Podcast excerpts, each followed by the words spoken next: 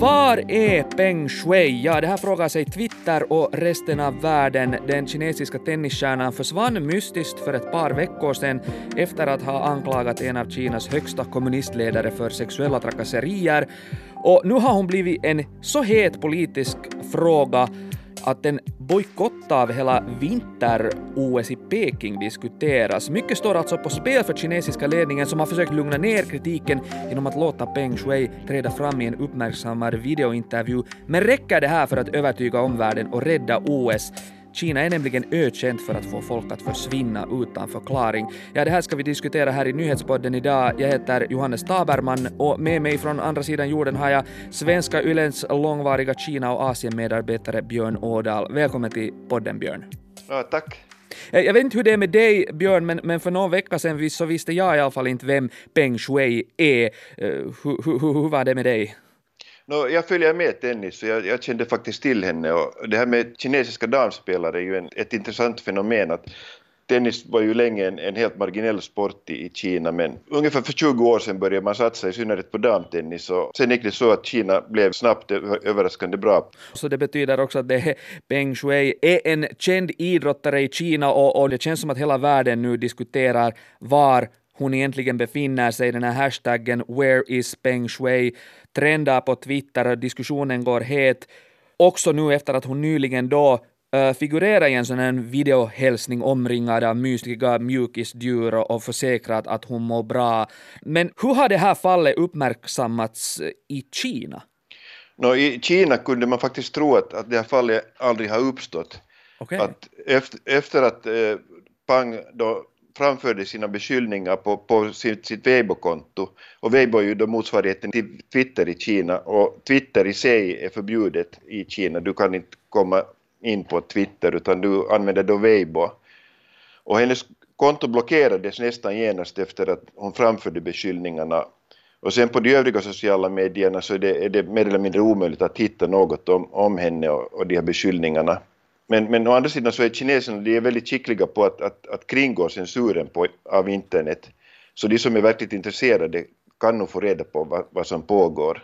Men, men det, är det här på något sätt ett typiskt sätt för Kina på något sätt att handskas eh, med sådana här fall? För som du var inne på så, så det, det sattes ju igång när, när Pang Shui liksom postade då det här uppmärksammade inlägget där hon riktar hårda sådana metoo-anklagelser mot, mot den här tidigare vice premiärministern som skulle ha förgripit sig sexuellt på henne.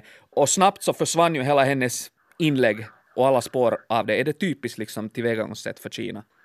Jo, det, det är typiskt. Det, i synnerhet nu när det gäller en, en så högt uppsatt person som den här Tsang Li. Alltså nu nämnde så var han ju före vicepremiärminister men han var dessutom så var han medlem av, av eh, det allra mäktigaste organet i Kina och det är då det styrande kommunistpartiets eh, ständiga utskott. Och det här utskottet brukar bestå bara av sju personer och Tsang var då en av dem. Och i Kina har man alltid utgått från också, också de som följer med Kina att, att de här personerna eller männen som det alltid är frågan om så de som kommer så högt upp i hierarkin att de då blir medlemmar av den stående kommittén, de har gått igenom en helt enkelt väldigt noggrann granskning, både när det gäller deras moral och också då politiska korrekthet. Och det är därför det som det är så väldigt pinsamt för partiet att en, en, en så här mäktig person nu anklagas för grova övergrepp.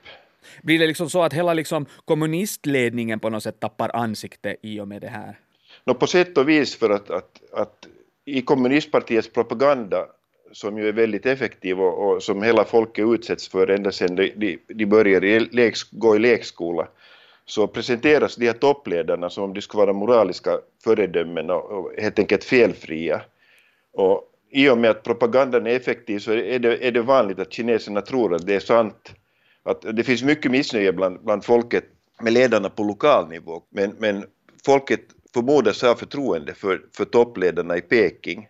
Och därför är det väldigt problematiskt för partiet att, att sådana här beskyllningar nu plötsligt framförs. Mm. Sådana beskyllningar så har vi ju sett dyka upp mycket i västvärlden under de senaste åren, ända sedan hela den här metoo-rörelsen satte igång. Men, men hur, hur ovanligt är det med sådana här anklagelser i Kina?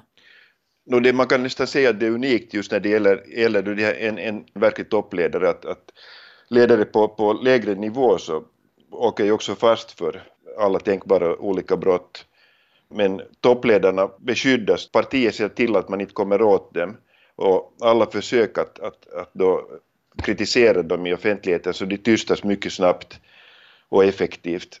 Att det, det var ju ett, ett känt fall för fyra, fem år sedan de här bokförsäljarna i Hongkong som, som höll på att förbereda en, en, en bok om presidenten Xis kvinnoförhållanden. Och dit försvann ett ut tre från Hongkong, eller en av dem befann sig dessutom i Thailand och han kidnappades då därifrån.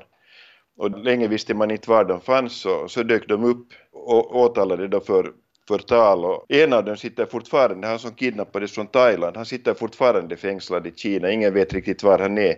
Han är dessutom svensk medborgare, fast han då är, är, är kines. Men de tre andra har blivit, blivit frigivna och de har kommit tillbaka till Hongkong och två av dem så vägrar helt att säga någonting överhuvudtaget, de är uppenbarligen rädda för, för allvarliga följder. Eh, jag tänker liksom att, att nu kom det den här videon med Pang Shui där hon försäkrar att allt är bra och det var en sån här mysvideo, det var lite på något sätt komiskt, hon var så där, hade en massa mjukisdjur i bakgrunden, jag vet inte, det, såg rätt absurt ut, men i alla fall många menar att det här var liksom en iscensatt eh, video som överhuvudtaget egentligen inte berättar om hon verkligen är fri mm, eller inte. Och det här sker ju liksom nu bara med några månader kvar till vinter-OS i Peking. Så jag funderar liksom att varför tar liksom Kinas mäktiga kommunistledning till så hårda tag mot en ensam kvinnlig tennisspelare, att man genast går och censurerar och att, och att det uppstår en sån här diskussion om, om hon är fri eller inte? No, det anses främst bero på just det att, att, att de här Pangs beskyllningar riktades mot en av de här toppledarna. Det är någonting som partiet anser att inte får ske just för att, att, att så mycket står på spel för det att, att partiet är helt enkelt rädd för att, att det, det tar allvarlig skada. Och då är ju såklart OS väldigt viktigt för Kina. Av prestigeskäl så är det mycket viktigt att spelen kunde genomföras utan någon form av bojkotter. Men uppenbarligen så anser de ändå att, att, att det här med att skydda, skydda de här toppledarna är ännu viktigare. Ja, man tänker ju sådär att spelar man inte liksom ett högt spel eh, nu kring det här fallet med Pang Shui, liksom när just OS i Peking står inför dörren och vi ser här stora idrottsstjärnor som går ut och kritiserar och, och det här eh, allt fler som diskuterar en bojkott. Jag menar, hur viktigt är det här, skulle du säga, OS i Peking för Kina? No, det, det, skulle nog vara en, en, stor smäll för Kina om, om det skulle bli, bli en utbredd bojkott i synnerhet om då USA skulle gå med i den här bojkotten, för det är USA som Kina främst koncentrerar sig på när det gäller relationerna till väst. Men det viktigaste för partiet är ändå dess grepp om, om, om Kina och, och att hålla, behålla sitt maktmonopol. Och allt som kan ses som en, en, en, en fara för det så måste partiet ta itu med. Och då får då OS eventuellt lida. Maktmonopol är det som gäller. Precis. Det är intressant här att det är ju inte bara Kina utan också internationella olympiska kommittén som får hård kritik kring det här fallet, för delvis har det riktats en tidigare kritik mot att man låter de här OS spelen ordnas i Peking eftersom Kina då är känt för olika eh, människorättsbrott. Men sen också får, får olympiska kommittén hård kritik för att ha gått med på att säga att, no, men att hon verkar må bra och, och, och, och så här. Många tycker att man borde ställa Kina mera mot väggen och inte gå mer i den här propagandan. Och, och du nämnde här att okej, okay, USAs agerande är viktigt, men intressant det här att Kanada, som är en av de största vinter-OS-nationerna, överväger nu en bojkott av hela vinterspelet, vilket till exempel skulle vara ett hårt slag mot ishockeyturneringen i OS eftersom de bästa spelarna skulle uh, utebli. Och, och sen har vi också damernas internationella tennisförbund som hotar med att aldrig mera låta någon tennismatch ordnas i Kina. Så jag funderar, biter sådana här bojkotter eller sådana här hårda sanktioner, reaktioner från omvärlden på Kina? Vad är din bedömning? No, jag tror inte att det biter helt enkelt just för att, att, att kommunistpartiet är en så säregen apparatur att, att det har lyckats hålla, hållas vid makten nu redan i 70 år. Och, men ändå, ändå är det ju medvetet om att, att, att det inte är folkvalt och att, att dess ställning beror, beror på det att, att, att folket ska gå med på att for, fortsätta att låta sig styras av det här partiet. Och då är det som sagt just alla sådana anklagelser mot toppledningen så är väldigt, väldigt ömtåliga. Och då relationerna till omvärlden mindre viktiga. Mm. Nu när Pang Shui plötsligt försvann och man visste inte var hon var och hon visade inte några livstecken på ett par veckor så började då omvärlden befara det värsta. Uh, nu, nu, vet vi att hon lever, men, men det finns många frågetecken ännu kvar kring henne. Men, men finns det fog för att befara det värsta när det handlar om Kina och, och sådana försvinnanden där? No, det har inte hänt på länge att, någon, att man i alla fall det ska komma fram att någon har blivit dödad av, av kommunistpartiet, då en, en sån här försvunnen person. Och när det gäller kända kineser, just då som Pang, så är det nu inte så vanligt att de försvinner. Att det mest kända av dem så plötsligt ingen visste var, var han fanns så var, var Jack Ma som ju är den, den personen som grundade den här internetjättebolaget Alibaba. Att han, han försvann plötsligt från offentligheten 2020 och han försvann efter det att han i ett tal hade, hade framfört kritik av Kinas finansiella system och, och de statsägda bankerna. Och det räckte tydligen för att partiet då ansåg att, att nu har, har de fått nog av honom. Och det var nästan tre månader så visste ingen var han fanns och det spreds en massa rykten om att han var i husarrest.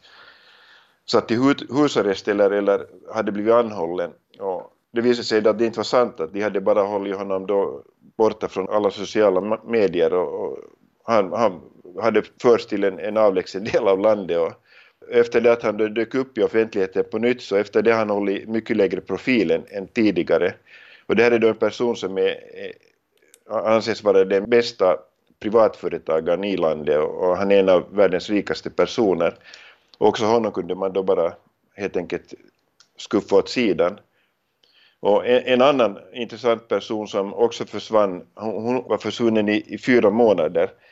Och det var den här eh, också internationellt kända skådespelaren Fan Bingbing. Och i hennes fall handlade det uppenbarligen om ekonomi för att hon hade åkt fast för skattebrott och hon, hon fick betala en e-, enorm summa i, i böter för det här brottet. Men det, det handlade då inte om politik, hon, hon hade aldrig framfört politiskt kontroversiella åsikter i, i offentligheten utan det var då bara ekonomi. Men, men det som ju alla, alla kineser vet är att, att, att man ska undgå att kritisera kommunistpartiet om, om man vill ha sitt på det torra. Nu är det liksom det här hotet om att, om att man kan försvinna, är det här ett sånt här sätt för, för, för statsapparaten i Kina att hela tiden hålla folk i styr så att säga?